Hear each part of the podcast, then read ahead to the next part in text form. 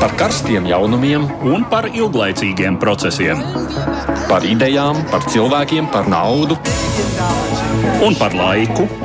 Par abām mūsu planētas puslodēm, un lietojot abas smadzeņu puslodes. Ēterā raidījums divas puslodes. Mēs tiekamies ikdienas raidījumā divas puslodes, kad runājam par to, kas notiek pasaulē. Studijā esmu Aits Tamsons. Un vēl, nu šķiet, pēdējo reizi pie klausulas otrs raidījuma veidotājs Edvards Liniņš. Sveiks, Edvards! Esiet sveicināti. Nu, pēdējo reizi tādā ziņā, ka pēc nedēļas plānojam jau tevi redzēt studijā. Nekāds cits pēdējais variants netiek apskatīts. Abi esam vakcinēti, vajadzīgās dienas pēc otrās potes arī būs sagaidītas. Bet nu par to, kas tad šodien būs mūsu uzmanības lokā. Protams, ka vislielākā interese ir par notikumiem Baltkrievijā un ap to saistībā ar mūsu kaimiņiem šī ir bijusi ļoti emocionāla un negaidīta pavērsiena nedēļa. Kas īsti ir noticis, kādas tam varētu būt sekas, mēs Baltkrievijai veltīsim lielāko raidījuma daļu. Lai nav tā, ka pēdējos raidījumos runājam tikai par vienu tematu, beigu daļā ļausimies arī kādām citām noskaņām. Parunāsim par to, kas notiek Vācijā. Tur rudenī būs vēlēšanas, beigsies kanclers Angels Merkels ēra un sabiedrības aptaujas atklāja interesantas noskaņojuma tendences, kāpēc tā, kādas pārmaiņas notiek Vācijā. Par to runāsim pēc apmēram pusstundas.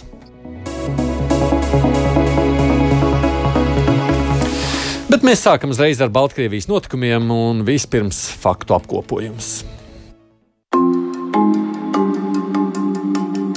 Kas notiek Lukašenko galvā? Šādu jautājumu pēdējās dienās sev varētu būt uzdevis te ik viens, kam ir kaut mazākā interese par starptautisko politiku. Paša pasludinātā Baltkrievijas prezidenta rīcība ar kaujas iznīcinātāju līdzdalību svētdien nosēdinot Mīnskas lidostā avio kompānijas Rainer pasažieru lidmašīnu, kas bija ceļā no Atēnām uz Viļņu, tur arestējot divus no pasažieriem, šokēja starptautisko sabiedrību, pat ievērojot, ka Krievijas spēcdienestu nekaunīgās izdarības Eiropas Savienības valstīs jau kļuvušas teju par ierastu lietu. Maz ko līdz arī Mīnskas apgalvojumu, ka tās rīcībā bijusi informācija par lidmašīnā it kā esošu spridzekli. Lai tos pieņemtu par patiesiem, jābūt lielai vēlmei noticēt ilgadējā Baltkrievijas diktatora un viņa režīma godīgumam. Katrā ziņā publiskotie saziņas fragmenti starp Mīnskas lidostas dispečeriem un Rainer pilotiem šajā ziņā rada vairāk jautājumu nekā atbilžu. Arestētie pasažieri ir 26 gadus vecais Baltkrievijas opozīcijas aktīvists Ramans Pratasevičs viņa ceļa biedra 23 gadus vecā Krievijas pilsone Sofija Sapega. Pratasevičs aktīvi pretdarbojas Lukašenko režīmam kopš agras jaunības. Pirmo reizi viņš Minskā ticis aizturēts par dalību protestos jau 2011. gadā. Līdz 2019. gadam viņš darbojies kā žurnālists dažādos Baltkrievijas nevalstiskajos medijos, tā skaitā Radio Brīvība, Brīvā Eiropa. Taču 2019. gada beigās pametis valsti un lūdzis politisko patvērumu Polijā. Šeit viņš kopā ar vēl vienu Baltkrievu žurnālistu, Stepānu Pucilu, vadīja tīmekļa informatīvo resursu Neksta, kas kļuva par vienu no nozīmīgākajiem informācijas avotiem 2020. gada Baltkrievijas protestu laikā. 2020. gada novembrī abiem Neksta vadītājiem Baltkrievijā aizmuguriski tika izvirzīts apsūdzības masu nekārtību un rupju sabiedriskās kārtības pārkāpumu organizēšanā un naida kurināšanā pret kādas sociālās grupas pārstāvjiem. Viņi tika pasludināti par teroristiem. Kas attiecas uz Sofiju Sapegu, viņa esošās Eiropas Humanitārās Universitātes studenti trūkst jebkādu ziņu par viņas līdzšinējo darbību politikā vai medijos. Kā intervijā Radio Brīvība Brīvā Eiropa Krievu dienestam izteicās Baltkrievijas opozīcijas līderis Svetlānas Cihanovskas padomnieks starptautiskās politikas jautājumos Franaks Vjačorka.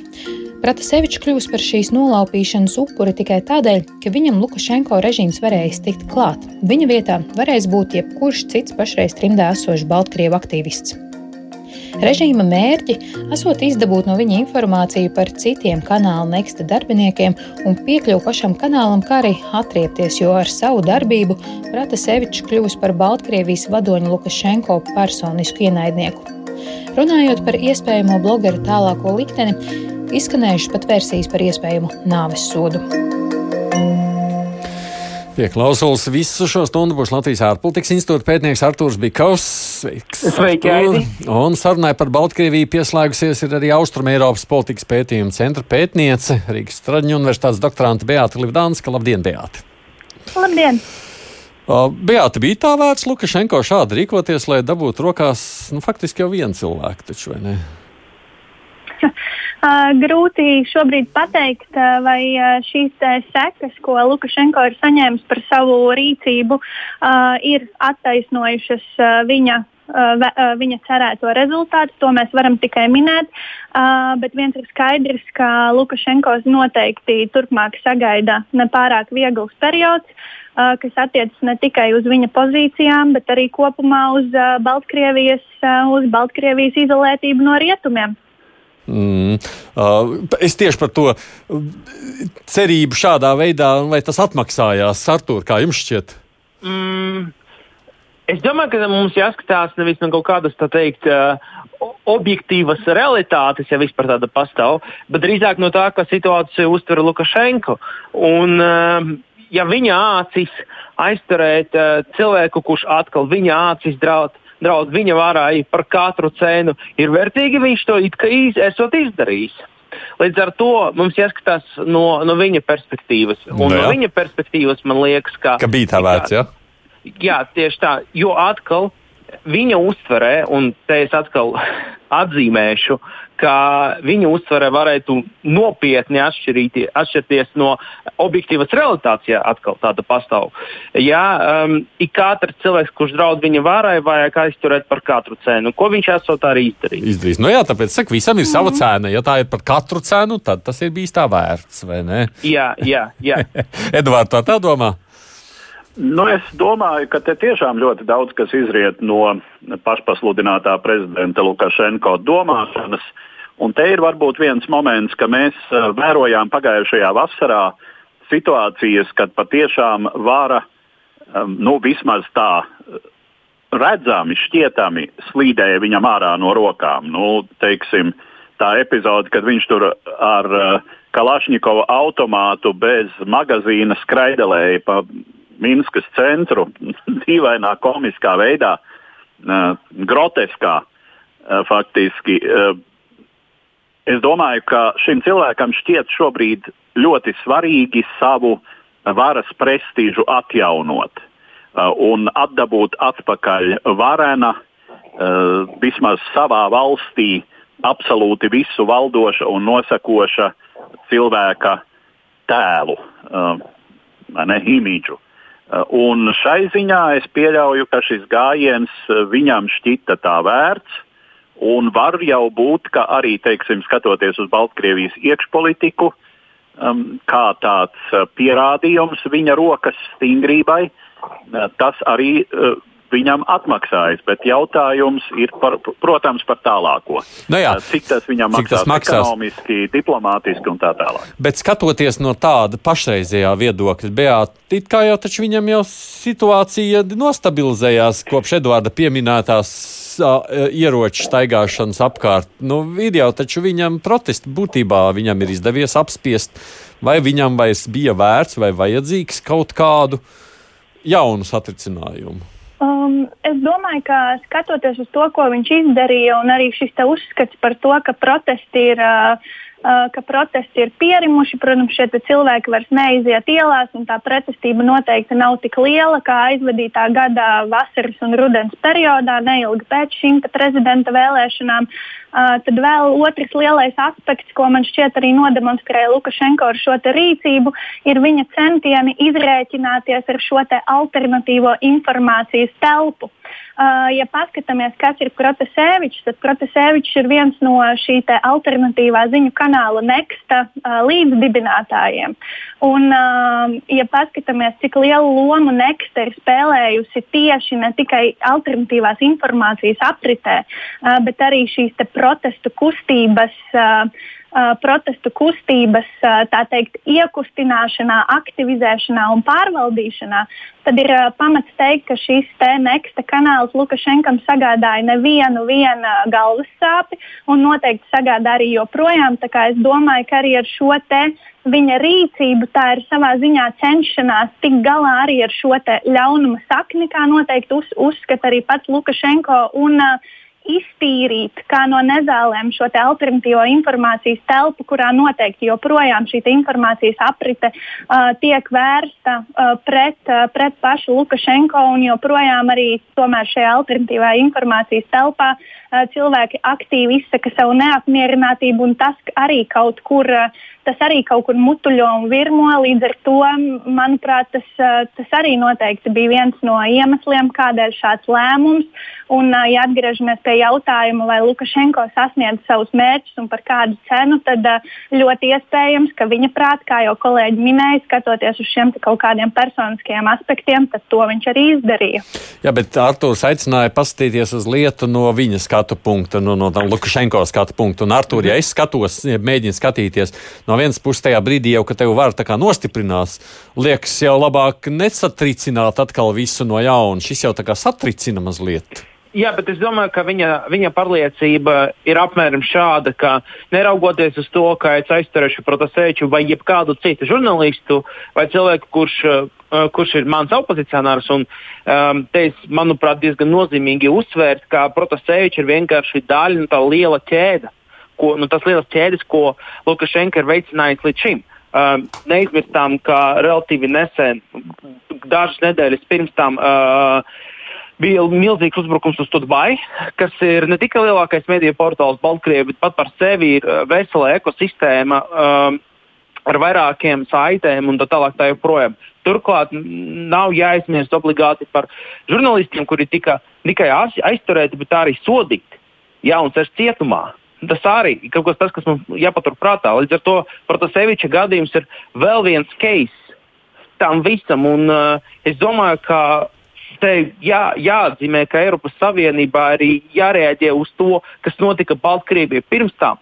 Un savā ziņā tas obligāti jāmin, kad mēs runājam par Protaseviču, ko, manuprāt, Eiropas Savienība un citas valstis nedara tik bieži cik būtu nepieciešams. Noredz, jā, un Eiropas Savienība uz to pašu pieminēto Tudbai, uh, nu, vai to var saukt par demolēšanu, bet, nu, jā, faktiski ap, ap, apturēšanu, nu, būtībā nekādi nenorēģēja. Bet... Nu, es, neteiktu, es neteiktu, ka nekādi nenorēģēja, nu, bet noteikti varēja no, rēģēt jā, jā, stiprāk. Jā, manā jā, stācīs. Ļoti jā? nosacīta reakcija, teiksim tā. Jā, jā, jā. Bet Tieši, tagad... Tas ir ļoti būtisks uzbrukums. To nevar ignorēt. Jā. Tas, nu, tas, tas arī man izraisa sava ziņa jautājums. Bet um, tas, nav tik, uh, tas, nav, tas, tas nebija tas jautājums, jā, ko tu uzdevi. Jautājums bija par to, uh, vai tad, uh, šāda rīcība, Lukašenka rīcība neizraisīs kaut kādu pretreakciju. Tīri teoretiski varētu izraisīt, protams, ja tu nezini, cik stipri tu vari spiest, kamēr nebūs kaut kādas pretreakcijas. Bet laikam no viņa skatu punktā viņš var spiest tik līdz, cik viņam ir tā vēlme to darīt. Viņam ir stipra pārliecība, ka neraugoties pat, ja būs tā pretreakcija, šobrīd, šobrīd valdība ir gatava. Savā mm. ziņā es pieļauju, ka viņām nu, nav absolūti vienalga, kā rēģēs pasaules uh, sabiedrība, bet lielākoties ir vienalga. Viņam blakus ir uh, Krievija un ir īpaši Putins, kurš atkal laikam ir gatavs viņu atbalstīt gandrīz vai nu līdz pēdējām.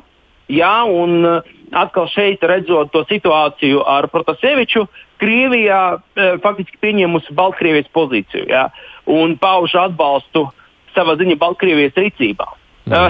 uh, diezgan interesants ziņā skandāls bija Krievijā par to, uh, nu, starp um, teikt, uh, opozicionāriem un liberāli noskaņotiem cilvēkiem. Krievija bija savā ziņā skandāls par to, kā Krievija reaģēja uz to, ka uh, Sofija Sapēga bija aizturēta Baltkrievijā un Krievija nu, kādu dienu vai divas gandrīz vai nu nereaģēja uz šo. Kaut gan viņa ir Krievijas pilsone. Un kaut kādai reakcijai būtu jābūt. Jā, jūs varat mm. iedomāties, ja teiksim, cilvēks, kurš ir pozitīvi noskaņots Kremļa, Kremļa režīmām, tiktu aizturēts, nezinu, Latvijā. Es varu jums solīt, ka reakcija būtu pēc kāda viena stunda jau. Un visi, visi, visi, visi svarīgākie cilvēki pateiktu, kas te notiek Latvijā. Līdz ar to tas atkal liek aizdomāties par to, ka Krievija gandrīz vai nu ir gatava upurēt savus pilsoņus. Jā, kas šī gadījumā ir Sofija, par labu Baltkrievijas režīmam. Nu, te... tas kalpos par labu jā. Baltkrievijas režīmam? Te jau, protams, tās spekulācijas tiek izteikts. Agras arī jautā, vai jūs domājat, ka tāda Baltkrievija, taču, vai visu šo operāciju nevadīja no Krievijas beāta, cik jūs prāt, tur Krievija varētu būt bijusi iesaistīta šajā? Uh, tas ir patiesībā ļoti grūts jautājums, bet man šķiet, tas, uz ko, uz ko mēs varam vērst uzmanību, ir tas, ka nu, tas, kā šī operācija, operācija notika, proti, uh, šī iznīcinātāja pacelšanās un pārvirzīšana uz citu lidostu. Nu, tas liek domāt par to, ka, ka šī operācija nenotika desmit minūšu laikā, kāds nepieņēma šo lēmumu tagad Tagad mēs to darām un īstenojam. Uh, tā noteikti bija op operācija, kas bija gatavota iepriekš. Ja skatāmies arī uz to, kā pats uh, Protasēvičs savā liecībā ir teicis, ka viņam kādi cilvēki sekoja jau, uh, jau kopš šīs lidostas uh, iekāpjot reisā, tad tas arī norāda uz to, ka bija ieguldīti diezgan lieli resursi, lai šim cilvēkam sekotu. Vai tur bija kāds Krievijas pirksts un vai tur bija Krievijas iesaiste, tas ir grūti, tas ir grūti šobrīd atbildāms jautājums, kuru mēs, protams, nevaram izslēgt. Bet nu, viens ir skaidrs, ka diez vai Baltkrievijas, Baltkrievijas VDK ar sev pieejamiem resursiem un ar, uh, ar savu rocību un arī ķērienu uz šādām operācijām to varētu īstenot viena pati. Tas arī šobrīd ir liela jautājuma zīme, bet uh, tas, kādā apjomā ir notikusi šī operācija, liek domāt par to, ka ļoti iespējams Krievija šeit arī pielika savu palīdzīgo roku. Runājot, Edvards, savukārt par tām sekām, kuras mēs tikai ieskicējām garām ejot, vai tā reakcija, tavuprāt, bija asāka nekā Lukašenko bija gaidījis? Jā, nu to nu ir grūti man arī teikt. Uh, Neesmu Lukašenko kunga biogrāfs. un um, neesmu tā sacīt, viņa daļradē sekojis tik rūpīgi uh, šais pagājušajos gados, lai saprastu, nu, viena lieta, ko mēs uzreiz varam teikt, viņš ir pierādis pie diplomātisko attiecību trūkuma ar ļoti daudzām rietumu valstīm. Mm -hmm. ir bijuši periodi, kad uh, pavisam salīdzinoši nesen, kad uh, Baltkrievijai nebija katrā ziņā vēstnieku līmenī diplomātisko attiecību ar Savienotajām valstīm, ar daudzām Rietumē Eiropas valstīm. Tad tas viss mazliet mainījās pēc 2014. gada, kad Lukašenko sāka spēlēt tādu uh, zināmā mērā divpusēju spēli, mazliet flirtēt ar rietumiem Ukrainas uh, kontekstā, tātad Krievijas agresijas pret Ukrainu kontekstā, uh, kad uh, nu, viņš mēģināja tādu vidutāju nu, jā, lomu un tā tālāk. Ja? Mēs to jā, diezgan jā. labi atceramies. Un tad viņam lielā mērā kā avansā tā sacīt tika aizmirsti uh, bijušie grēki, nu, kas izrādījās uh, pārsteidzoši. Viņš izrādījās diktators un pie vajadzības ļoti asiņains joprojām un represīvs. Uh, vai tā reakcija, uh, es domāju, ka ar šādu reakciju, ar attiecību pārtraukšanu, diplomātisko attiecību pārtraukšanu viņš diezgan noteikti rēķinājās. Nu, ja vien mēs nepieņemam versiju, ka tā vispār bija kaut kāda mirkļa improvizācija, bet uh, droši vien, ka Eh, šeit es, es neesmu atkal kompetents spriest par militāri tehniskajām detaļām, cik daudz laika vajag, lai izpildītu prezidenta pavēli pacelt gaisā iznīcinātāju. Uh, bet, um, ja tā bija iepriekš tomēr vairāk vai mazāk plānota, uh, plānota lieta, nu, tad uh, tas, ar ko varbūt viņš īsti nebija rēķinājies, nu, kā šī gaisa telpas uh, noslēgšana, boikotēšana, respektīvi, nu, pagaidām tā ir uh, vairāk saucama par gaisa telpas boikotēšanu, jo uh, to dara atsevišķas aviolīnijas. Nav pagaidām šai ziņā uh, kāda vienota Eiropas Savienības lēmuma, lai gan arī tāds varētu sekot. No vēl jau par sekām mēs arī pat līdz galam nevaram spriest. Borels sacītais pirms pāris stundām sakot, nu, ka Lukašenko nāksies ļoti dārgi samaksāt, un viņš tur runā par skarbām arī ekonomiskām nozares sankcijām, piemin tur gan apturēšanu konkrētām nozarēm vispār, tajā skaitā tranzītu caur Baltijas valstīm. Kā izskatās, Artūr, tieši runājot par šīm te sekām, cik tās ir nu, jūs prāt, adekvāts vai stikrs? Um, tad ziņa, cik tālu Eiropas Savienība ir gatava iet. Jā, un cik tās maksās beigās? Um, es domāju, ka atšķirība no, no iepriekšējā, es teiktu tā, atšķirība no tā, kā, kā Eiropas Savienība, manuprāt, reaģēja pagājušajā gadā vas, vasarā, pēc vasaras notikumiem, ja šobrīd Eiropas Savienība, manuprāt, reaģēja ātrāk. Un liekas, ka sankcijas arī būs bargākas nekā es atzīšos gaidīju paša sākumā, kas ir, manuprāt, ir pārsteidzoši labi. Uh, bet uh, jautājums par to, cik ātri izdosies tas sankcijas iztenot, jā, mēs jau zinām par to, ka Belāvie, kas ir uh, Baltkrievijas aviokompānija, jā, faktiski tā tiek liekta iespēja ielīdot Eiropas Savienības uh, lidostas. mēs redzējām, uh, es domāju, ka da, daži varbūt jau redzēja um, bildes no Flight Radar servisa, kur um, lidmašīna no Mīnska mēģināja lidot um, Barcelonu. Un, Uh, mm. un taisīja vairākus atpaļ, apaļus, un pēc tam bija faktiski spiesta atgriezties atpakaļ Minskā. Uh, ja? Bet uh, to, cik uh, Cik tālu aizies tīri sankciju ziņā Eiropas Savienība, man atkal diezgan grūti spriest, bet neizslēdzu, ka tas sankcijas būs uh, uh, priekš Eiropas Savienības uzskatiem, būs bargākas nekā tas bija pirms tam. Vai tās būs ļoti uh, bārgas priekš pašam Lukašenko?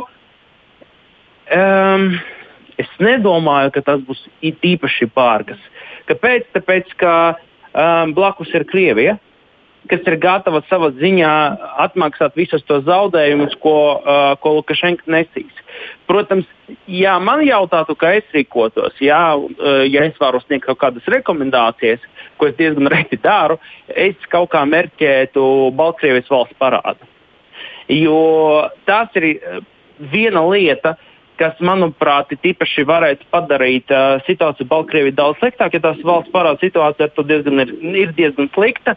Un, proti, um, Baltkrievijas tēls pēc šīs operācijas, um, kas atkal man īsti nepatīk šis vārds, manuprāt, tas ir ļoti maigs, kā to visu aprakstīt, bet nu labi, lai mēs to izmantosim. Jā, pēc tās operācijas Baltkrievijas starptautiskais tēls noteikti ir sabojāts. Un uh, ar vien grūtāk un grūtāk būtu um, ārvalstu investoriem investēt Baltkrievijas valsts parādā. Jā, Līdz ar to vienīgais, kas paliek, Baltkrievija atkal šeit paļauties uz Krieviju attiecībā uz valsts parādu. Un, ja Krievija nebūs tik tālu gatava iet tam visam, jo atkal Es domāju, ka Krievijas resursi arī ir ierobežoti. To jāpatur prātā. Um, tad nu, nav izslēdzams mm -hmm. depo. Par to es arī brīdināju. Man šķiet, ka pagājušajā gadā, šogad situācija noteikti nav uzlabojusies, gan tikai pasliktinājusies. Un tāpēc, ja Eiropas Savienība kaut kā rīkosies un ieviesīs sankcijas attiecībā uz Baltkrievijas valsts parādu, tad uh, es domāju, ka situācija varētu krasi mainīties. Labi, parāds nav pieminēts. Tas, ko Borels sacīja, tā, jā, tad, piemēram, viņš, viņš ir sacījis, ka varētu kālijas sāls eksportu apturēt, kas esot 2,5 miljardu ASV dolāru. Viņš runājis par to, ka Eiropas gāzes vats, jeb tā Krievijas gāze, iet, kas iet caur Baltkrieviju uz Eiropu, varētu tikt novirzīta pa citiem, un līdz ar to pazūdīs tranzīta maksa, kas nav nekāda mazākā, teica Borels. Nu, proti, proti, tas viss, proti, tas viss uh, pasliktinās Baltkrievijas ekonomisko stāvokli bez šaubām. Bet es arī domāju, ka kaut ko no šāda visa var kompensēt daļai Krievijai neizslēdzu, ka Baltkrievija mēģinās meklēt tirgus arī austrumu virzienā. Jā, ne, neizslēdzu, ka pat var virzīties Ķīnas pusē jā, kas šī situācija ir relatīvi neitrāla un tik līdz runa ir par ekonomiskiem ieguvumiem, es nemaz neizslēdzu, ka kā Ķīna mhm. varētu pieslēgties klāt un kaut kā, nu, nu tā, tā teikt, nevis izglābt, bet palīdzēt Baltkrievijai šī situācija pastarpināti, protams. Jā. Jā. Es domāju, ka Ķīna paņems kaut kādu ļoti izdevīgu sev, uh, saka, sakārtos kaut kādu izdevīgu dīlu, jā, un uh, pirks to kāliju daudz, daudz lētāk nekā tā varēja to pirkt, teiksim, trīs vai četras gadus pirms tam.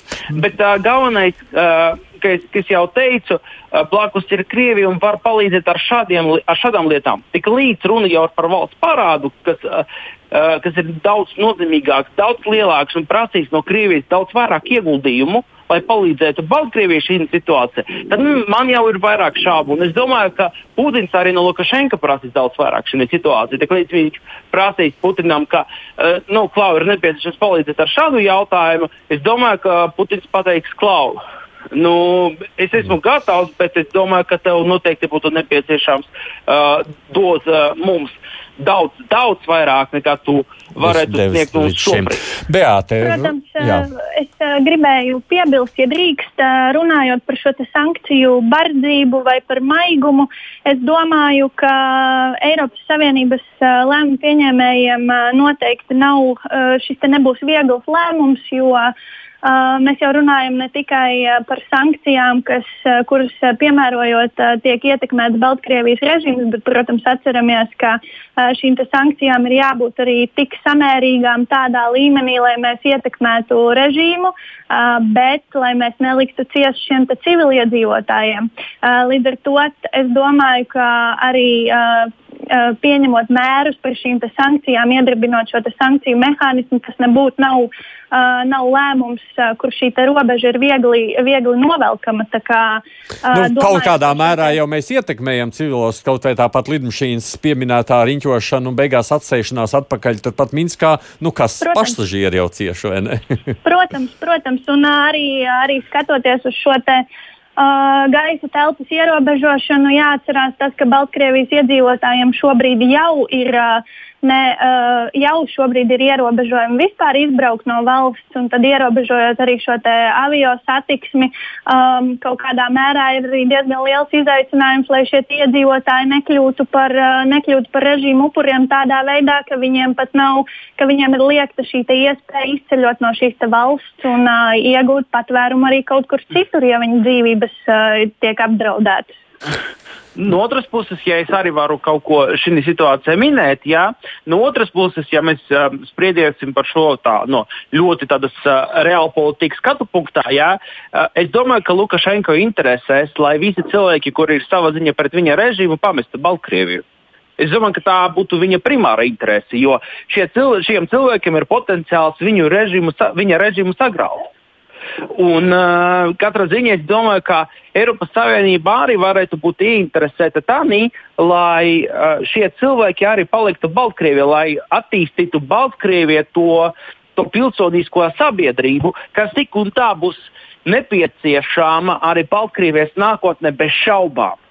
Jā. Jo, jo Lukašenko jau uz uh, simtiem gadiem, jā, viņam nu, tas ir acīmredzams, un Baltkrievijas pilsoniskā sabiedrība būs nepieciešama, lai padarītu Baltkrievi par, uh, par attīstītu Eiropas valsti. Eduards, savukārt, jā, tas kas jāpaturprātā. Eduards, savukārt runājot par šo te sankciju jautājumu, vai tavuprāt austrumi var un spēs kompensēt to, ko rietumi varbūt ļoti iespējams nezinu, nogriezīs. Droši vien, ka tādā īstermiņā uh, to var un tas arī pēc iespējas tiks darīts, bet, kā jau kolēģi atzīmēja, jautājums ir par to, uh, kas tiks prasīts pretī. Jo par to mēs uh, visu laiku runājam un to atceramies kā kontekstu, ka jebkura palīdzība no Maskavas nebūs nesaukt vērtīga un par to tiks prasīts pretī. Prasīta pretī lielāka ietekme Baltkrievijas ekonomikā visdrīzāk un iespējams uh, lielāka politiskā tuvināšanās.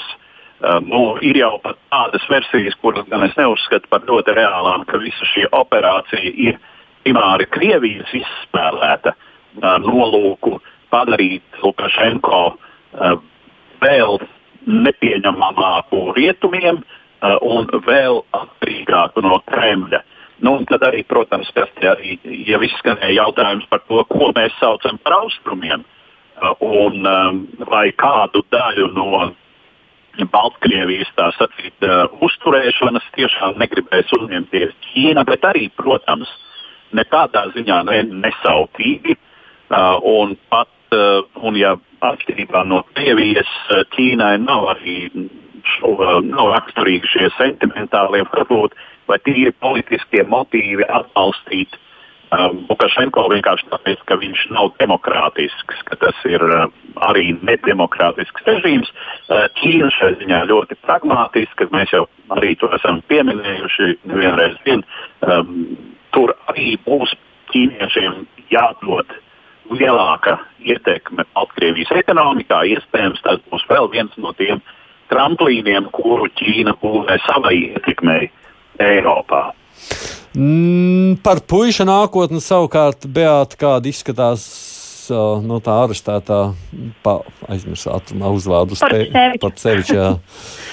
Uh, jā, nu, tā, cirkulē, protams, uh, mēdījos cirkulē šis video, kur uh, šis Portasevičs ir uh, it kā sniedzis šo atzīšanos, bet, protams, redzam, ka noteikti šis cilvēks kaut kādā veidā ir ticis ietekmēts ar noteikti visticamāk ar kādiem draudiem pret, pret viņa ģimeni vai pret šo ceļa biedri. To mēs nezinām, bet viens ir skaidrs, ka uz viņu kaut kāds spiediens tiek izdarīts.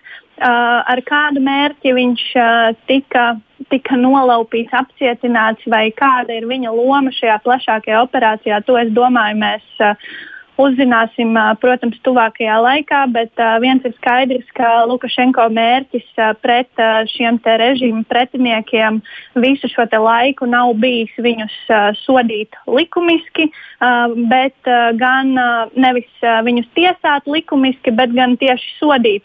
Līdz ar to tas, kāda varētu izskatīties viņa turpmākā dzīve, viņa turpmākā nākotne, uh, tas viss noteikti lielā mērā būs arī atkarīgs tieši tiešā veidā no šī spiediena, ko Eiropas Savienība izdarīs vai arī neizdarīs pret Lukašenku un uh, kā tas nostrādās vai arī nenostrādās. Mm, kāds nostrādās Artur, jūsuprāt? Uh... Man ir stipras bāžas par uh, Protaseviča likteni, un uh, es nemaz neizslēdzu, ka viņš tik, tiks ieslodzīts. Teiksim tā, uh, jā, var izmantot tādu uh, socioloģisko paņēmienu, ka jā, drīzāk jā nekā nē.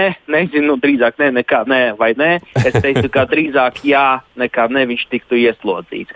Un, uh, Eh, neraugoties uz to, kādas būs Eiropas Savienības sankcijas. Jo, kā mēs redzējām, eh, Baltkrievija nemaz nav tik sarežģīti ieslodzīt cilvēks. Jā, un, uh, Mm, mm. Pat paturot prātā, ja sevišķa statusu, tad teikt, jā, globālajā gaisotnē, ka viņš ir viens no tiem spilgtiem uh, žurnālistiem, uh, kas atspoguļoja situāciju um, Baltkrievijā, es domāju, ka pat šīs tādas viņiem īpaši nepalīdzēs. Mm. Es teikšu jums, Beatei, visvairāk tieši paldies. Beata Livdānska, kas ir Elstrēm Eiropas politikas pētījuma centra pētniece, RSU doktorants. Paldies, Beata, par iesaistīšanos runājot par šo situāciju Baltkrieviju. Ah, kā jau es minēju, lai mums nebūtu tā, ka mēs runājam tikai un vienīgi par Baltkrieviju, palūkosimies vēl šodien uz vienu valsti. Mēs jau faktiski pāris nedēļas atlikuši esam tematu par notiekošo Vācijas politikā, jo vienmēr ir bijuši kādi interesantāki un svarīgāki notikumi, bet tās ziņas no Vācijas arī ir interesantas. Tāpēc klausāmies vispirms apkopojumu. Aprīļa beigās Vācijas politiskajā ainavā iezīmējās spilgts akcents. Jau otrais pēdējo pāris gadu laikā valdošās Kristīgi demokrātiskās partijas reitingi aptaujās noslīdējuši zemāk nekā tās pēdējo gadu niknākajiem konkurentiem Zaļajai partijai. Pašreizējā Bundestāga sastāvā zaļie ir pati mazākā frakcija, atpaliekot no visiem pārējiem - kristīgiem demokrātiem, sociāldemokrātiem, labējiem radikāļiem no alternatīvas Vācijai, liberālajiem brīvajiem demokrātiem un radikālajiem sociālistiem no kreisās partijas. Taču nu jau pāris gadus zaļie reitingos minušus papēžiem līderiem, un šobrīd neviens vien medijs uzskata par teju nepārprotamu, ka nākamo Vācijas valdību bez viņiem izveidot nevarēs. Zaļo panākumu pamats ir gan vispārējā ekoloģijas tematikas aktualizēšanās Eiropas politikā, gan zināmas savas politiskās paradigmas korekcija, pievēršoties nevien tradicionāli zaļajiem jautājumiem, bet arī sociālās nevienlīdzības mazināšanai, valsts aparāta efektivitātei un atbilstībai pilsoņu vajadzībām, sabiedrības iekļaujošiem raksturam un tolerancei. Zaļie sevi pozicionē kā nepārprotamus Eiropeiskās integrācijas un vērtību aizstāvis. Viņu pašreizējās līderis un kanclera amata kandidātes Annelēnas Bērbokas publiskais tēls liek atcerēties jauno Angelu Merkeli, kad viņa pirms ceturtdē gadsimta iznāca vācu politikas avanscēnā. Liekot viņai līdzās šī brīža varas partiju kandidātus augstākajam izpildvaras amatam, Viņu personības patusā dominē drīzāk pagātnes pieredze, ne nākotnes vīzija. Tas sakāms gan par Kristīgi Demokrātiskās savienības vadītāju un pašreizējo Ziemeļrēnas Vestfālēnas federālās zemes premjerministru Armīnu Lašetu, gan Sociāldemokrātiskās partijas kandidātu pašreizējo vicekancleru un finanšu ministru Olafu Šolcu.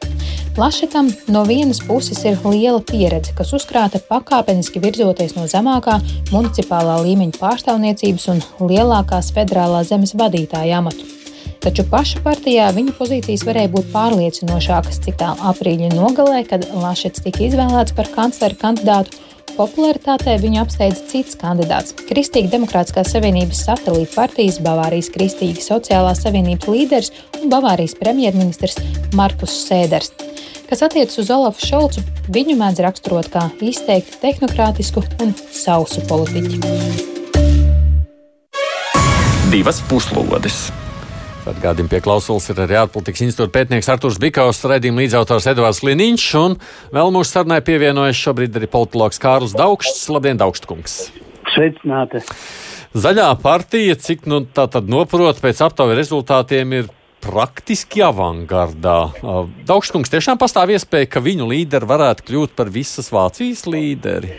Jā, jums ir šeit taisnība tā ziņā, ka pat labam šis priekšvēlēšanu periods ir iegājis tajā fāzē, kad notiek kanclera amatu personību reprezentāciju un personību iespēju izvērtēšana. Mm -hmm. Un tas ir ļoti ietekmīgs faktors, jo viņš ietekmē pēc tam vēlēšanu simpātiskās vai, vai citādākas pozīcijas. Jū, jūs jau arī uz to norādījāt jūsu ziņās, bet manuprāt, šeit jāņem vērā, ka ja pat labam notiktu tās vēlēšanas, tad pēc sociologu aptaujām apmēram 31-32% vēlētāju nobalsotu eh, par uh, uh, Annelēnu Bērboku. Jo viņai ir tiešām viņa ļoti kreatīva, ļoti jauna, jaunaklīga, viņai ir tikai 40 gadu, un viņa ir jaunās paudzes pārstāve. Viņa pārstāv ļoti tādu mm, spēcīgu virzienu, kas aizstāv, uh, aizstāv zaļo uh, domāšanu, zaļo ekonomiku. Un pie tam viņa sola pat labam šī periodā. Viņa sola krasi izmainīt Vācijas ārpolitiku, Vācijas pieeju uh, šim Nord Stream, uh, pilnīgi izmainīt Vācijas ekonomisko uh, situāciju, aizliedzot, piemēram, koku ogles, uh, ogļu ieguvi un, un vispār visu pārējo, kas saistīts ar uh, derīgo izrakteņu ieguvi, tā sakot, uh, fosīlo uh, degvielu ieguvi.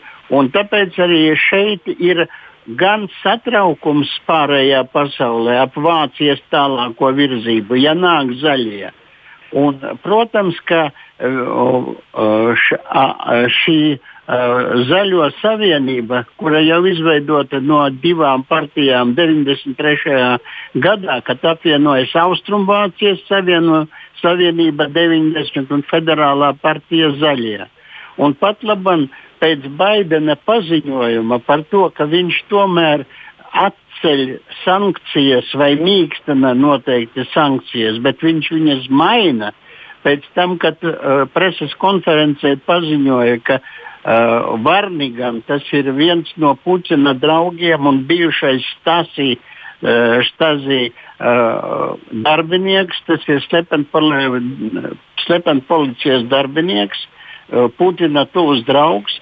Pēc viņu tiek atceltas sankcijas un turpināsies uh, šī, šī ļoti nopietnā projekta tālākā izbūve. Bet vakar uh, zaļie ir iesnieguši Hamburgā pilnīgi tiesā prasību, kura pieprasa apturēt šī gāzes vada būvniecību Vācijas teritorijā. Tas ir 17 km, kur gāzes vadam jāiet pa teritorijālajiem Vācijas ūdeņiem un sauszemi. Un pieprasa apturēt kā ekoloģisku bīstamu, uh, bīstamu uh, projektu. Mm -hmm. Tāpēc arī pat laban zaļo partijas darbība šeit ir ļoti tāda, nu, ļoti asa, un viņa var arī realizēt Krievijai ļoti nepatīkamu politiku, un līdz ar to zaļo, uh, zaļo darbība izsauc arī Kremļa uh, milzīgu pretdarbību, un daudzi ir norūpējušies par to, ka Krievija var sākt pielietot kiber uzbrukumus tādus vēlēšanu rezultātiem. Par to tikko ziņoja uh, slepeni policijas uh, ziņo, uh, ziņotājs, kurš apstiprināja, ka pat labam tiek organizēti trīs tādi hakeru centri, kur ir gatavi iejaukties uh, vēlēšanu tā sakot, rezultātu apstrīdēšanā vai arī iemest kaut, kādus, dez, kaut kādu dezinformāciju. Nu, vispār kiberkara nu, sakot, jā, mēģināt ietekmēt vēlēšanu rezultātus līdzīgi kā runājam par Ameriku. Bet, ja, Artur, nu, es, bet es gribu tālāk vēl Bikaukungam jautāt. Artur, savukārt skatoties uz visu to, kas notiek Vācijā šobrīd, ko jūs mm. sakāt par to interesanto situāciju? Uh, Ziniet, pēc augsta kunga vienmēr ir ļoti grūti kaut ko pateikt, jo to, cik aptveroši un dziļi viņš to visu analizē, ir vienmēr fascinējoši. Um, es domāju, ka ļoti interesanti paskatīties uz to, man personīgi, kā sabiedrisko attiecību pētniekam, man ļoti interesanti paskatīties, kā uh, potenciāla zāļu uzvara varētu ietekmēt um, citas politiskas partijas Eiropā. Um, nenoliedzami Vācija ir Eiropas Savienības līderis līdere, precīzāk sakot. Jā? Un uh, politiskās kustības un lietas, kas notiek tur, noteikti varētu kaut kā ietekmēt uh, kustības arī citās valstīs, tā neskaita Latvijā. Manuprāt, uh, tas, ka zaļo uh, reitings ir kāpis pēdējo, pēdējo, pēdējā gada laikā, ir skaidrojams ar to, ka zaļie bija ļoti aktīvi pandēmijā. Teiksim, uh, ja mēs varam tā teikt, salīdzināt ar to pašu Alternative for Deutschland, jeb uh, alternatīvu Vācijai, tie savukārt nopietni zaudēja tā iemesla pēc, ka nebijuši sevi aktīvi un konkrēti pozicionējuši pandēmijas laikā, kā ir nepieciešams rīkoties, lai Vāciju, uh, lai turpmāk attīstītu Vāciju, kā attīstīties postpandēmijas pasaulē un tā tālāk tā joprojām. Zaļie šī jautājuma bija ļoti aktīvi no nu, visādas jomas gan sociāli, gan ekonomiski, gan, gan, arī, gan arī izglītības ziņā, un tā tālāk tā joprojām. Viņi bija ļoti aktīvi, un tās kalpoja viņam par labu. Tas ir viens no iemesliem, kāpēc, viņi, eh, tāpēc, kāpēc ir tas reitinga kāpums. Bet kā mēs pievērstu uzmanību? Jā? Kad mēs runājam par reitingiem, jābūt ļoti uzmanīgiem, jo viena lieta ir reitingi, un otra lieta ir vēlēšanās. Un neobligāti zaļie dabūs tik daudz, cik viņiem šobrīd apsola reitingi, kaut vai tā iemesla pēc, ka lielākoties zāļus atbalsta eh, pirmām kārtām jaunieši, kuri neobligāti iet uz vēlēšanām. Jā, un tas ir kaut kas tāds, kas jāpaturprātā. Otram kārtām, uh, tie, cilvēki, tie cilvēki, kas savukārt atbalsta vadošu partiju, jā, kristiešu demokrātus, tie savukārt iet uz vēlēšanām ļoti aktīvi. Un tāpēc es eh, zaļo vietā, ja tā teikt, nebūtu tik ļoti paļaut, paļauj, paļautos uz tiem reitingiem un drīzāk turpināt strādāt šajā virzienā, kura viņi strādā, lai piesaist, piesaistītu arī tos cilvēkus, kuri noteikti ies uz vēlēšanām. Es nesaku, ka visi cilvēki, kas atbalsta zaļos, ir jaunieši, noteikti nē, un tas ir eh, tas saucamais Um, vidējais klāsts ir diezgan nu, atbalstošs. Progresīvie, liberāli noskaņoti cilvēki noteikti atbalsta šos cilvēkus, uh, šo partiju zaļos. Ja? Tāpēc es viņu vietā darītu ar vien vairāk un vairāk, lai uh, šo atbalstu, atbalstu materializētu vēlēšanās. Kas ir tas galvenā, manuprāt, problēma ir katrai savā ziņā progresīvi noskaņotai partijai. Mm. Jā, viena lieta ir reitingi, nu jā, otra lieta ir vēlēšanās. Tāpēc, tas jau tā jā, ir vienmēr. Nepielīdzinātu viens otram. Eduards, savukārt runājot no tavas skatu punkta, ko tu saki par šo perspektīvu? Kāda izskatās šobrīd Vācijā? Nu, tas jau ir. Es nebūšu oriģināls. Eh, es arī domāju, ka zaļo izredzes būt nākamajā valdībā eh, ir diezgan lielas. Vai nu eh, Bērbokas kundze būs kanclere.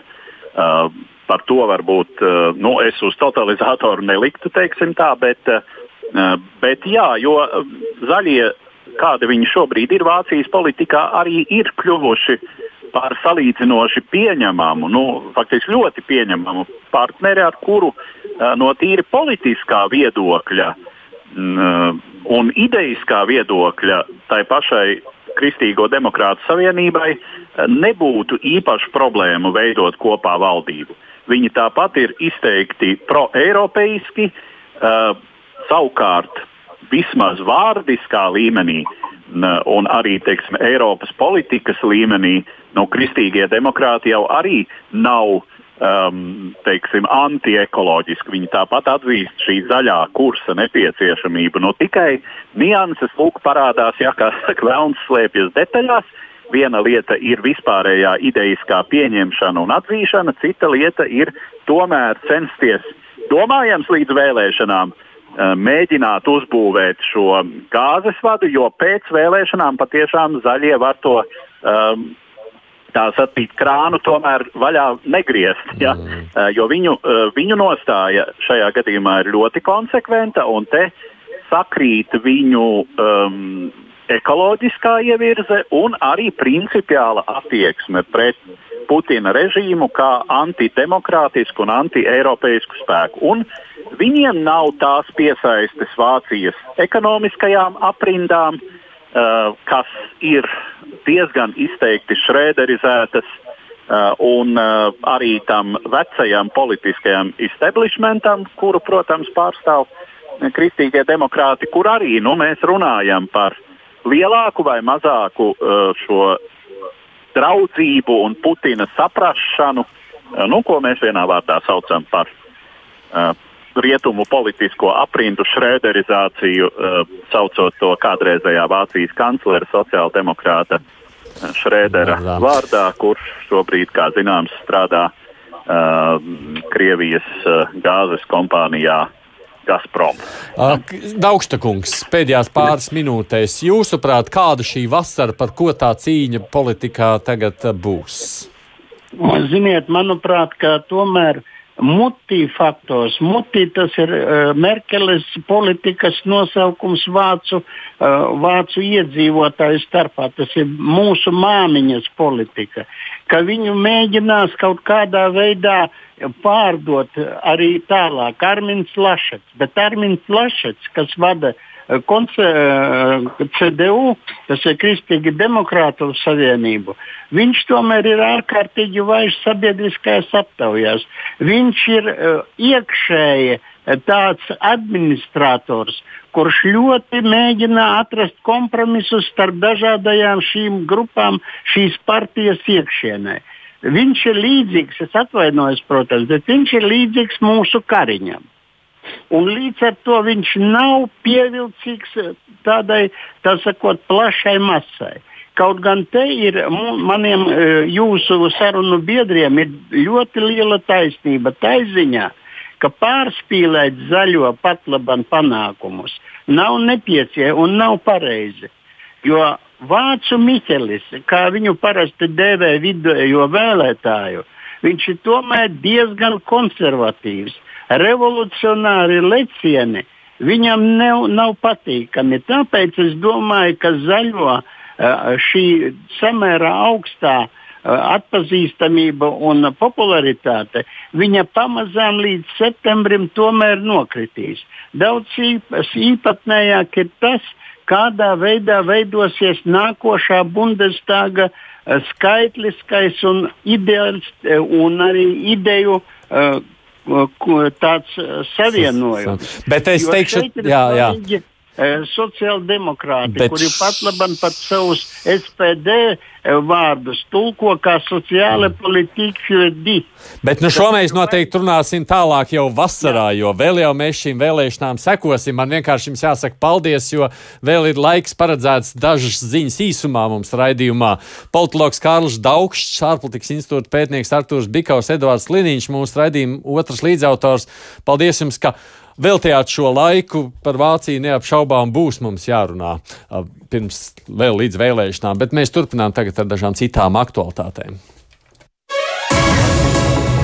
Vakcinācijai pret covid uzņemot ar vien lielākus apgriezienus, sāk parādīties riski, kuri saistīti ar sākotnējo pieejamību. Lai nodrošinātos ar vakcīnām, daudzas valsts ir rezervējušas lielus vakcīnu apjomus taču interese par vakcinēšanos nemaz nav tik liela, kā sākotnēji likās. Arvien vairāk ir to valstu, kur vakcīnas netiek pilnībā izmantotas. Pirmā ziņas pienāca no Āfrikas, kur, neraugoties uz vakcīnu deficītu, cilvēki nesteidzas potēties un vakcīnas nav kur likt. Valstīm nu nākas no vakcīnām atteikties vai arī tās izmest. Nu, līdzīgas bažas parādās Āzijā. Hongkongai drīzumā var nākties izmest miljoniem neizlietotu Pfizer vakcīnu devu, jo tām tuvojas derīguma termiņa beigas, bet cilvēki nevēlas vakcinēties. Hongkonga ir nodrošinājusi sev tik daudz devu, lai sapotātu visus 7,5 miljonus iedzīvotāju un vēl pāri paliktu. Taču pirmo potu saņēmuši vien 19% cilvēku.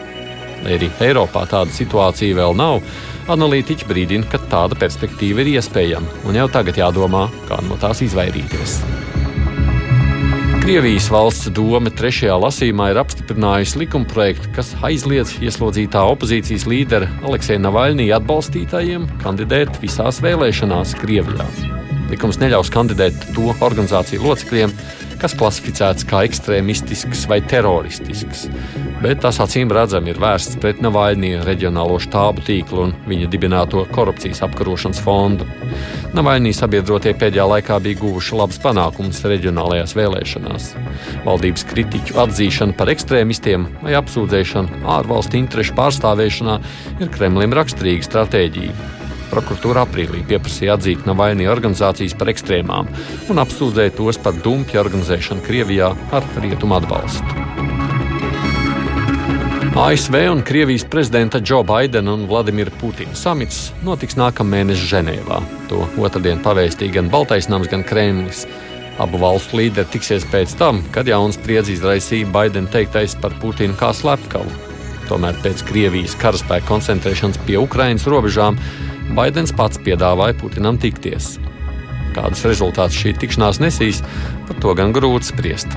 Kā sacījusi Baltānām preses sekretāra Džena Psaki, līderi diskutēs par plašu aktuālo jautājumu spektru, cenšoties atjaunot prognozējamību un stabilitāti ASV un Krievijas attiecībās. Paredzams, ka runa būs gan par notiekošo Ukrajinā un Baltkrievijā, gan par kiberuzbrukumiem un arī iespējamo sadarbību noteiktās jomās, Pati tikšanās Šveices pilsētā notiks 16. jūnijā. Malī šajā nedēļā noticis otrs militārais apvērsums deviņu mēnešu laikā. Armija, neapmierināta ar izmaiņām valdībā, pirmdien aizturēja valsts prezidentu un premjerministru un aizveda viņus uz armijas nometni. Tā paziņoja amatpersonas. Prezidents Bahndau un premjerministrs Moktārs Uans vadīja pagaidu valdību, kas tika izveidota pēc pērnā gada augustā notikušā puča kura dēļ Malī draudēja reģionālas sankcijas. Puča līderiem un armijas virsniekiem bija ievērojama ietekme uz šo valdību, taču pirmdienas pēcpusdienā tika veikts izmaiņas. Lai gan armijas kontrolē palika strateģiski nozīmīgi ministra portfeļi, amats zaudēja divi puča līderi - aizsardzības ministrs Sadio Kamara un drošības ministrs Pulkvedis Modibo Kone. Jau pirmdienas vakarā parādījās neapstiprināts baumas par potenciālu apvērsumu. Tomēr situācija pilsētā bija relatīvi mierīga. Trešdien gan premjerministrs, gan prezidents paziņoja, ka atkāpjas no amatiem. ANO, Afrikas Savienība, Rietumāfrikas valstu ekonomikas kopiena, Eiropas Savienība, ASV, Lielbritānija ir nosodījušas kārtējo apvērsumu un brīdinājuši, ka varētu lemt par iespējamām sankcijām. Pēc septiņus gadus ilgām sarunām Šveice atmetusi centienus noslēgt visaptverošu vienošanos ar Eiropas Savienību. Kā trešdien skaidroja Šveices prezidents Gijs Parmelēns, joprojām pastāv domstarpības vairākos būtiskos punktos. Bet Eiropas komisija paužus nožēlu par Šveices vienpusējo lēmumu, sakot, ka sarunās esot bijis progress, lai vienošanos noslēgtu. Pēc Briseles domām sarunas par dokumentu noslēdzās jau 2018. gadā, taču Šveice turpināja uzstāt uz izmaiņām un atteicās vienošanos parakstīt. Tā būtu aizstājusi aptuveni 120 atsevišķas vienošanās dažādos sektoros, kas pašlaik regulē Savienības un Šveices attiecības. Šveice paliks uzticama Eiropas Savienības partneri, tā skaidro Šveices ārlietu ministrs. Taču gaidāms, ka problēmas varētu rasties atsevišķos jautājumos, un tām nāksies meklēt atsevišķus risinājumus. Kādi jaunumi gaidām nākamajās dienās, to zināsim gan tikai tad, kad tie notiks. Šodien gan raidījums izskan. Mēs tiksimies atkal pēc nedēļas, kad būs nākamās divas puslodes. Mūsu producenti ir Ieva Zeiza, studijā bija Aits Tomsons. Lai jums jauka nedēļas beigu puse, uz sadzirdēšanos!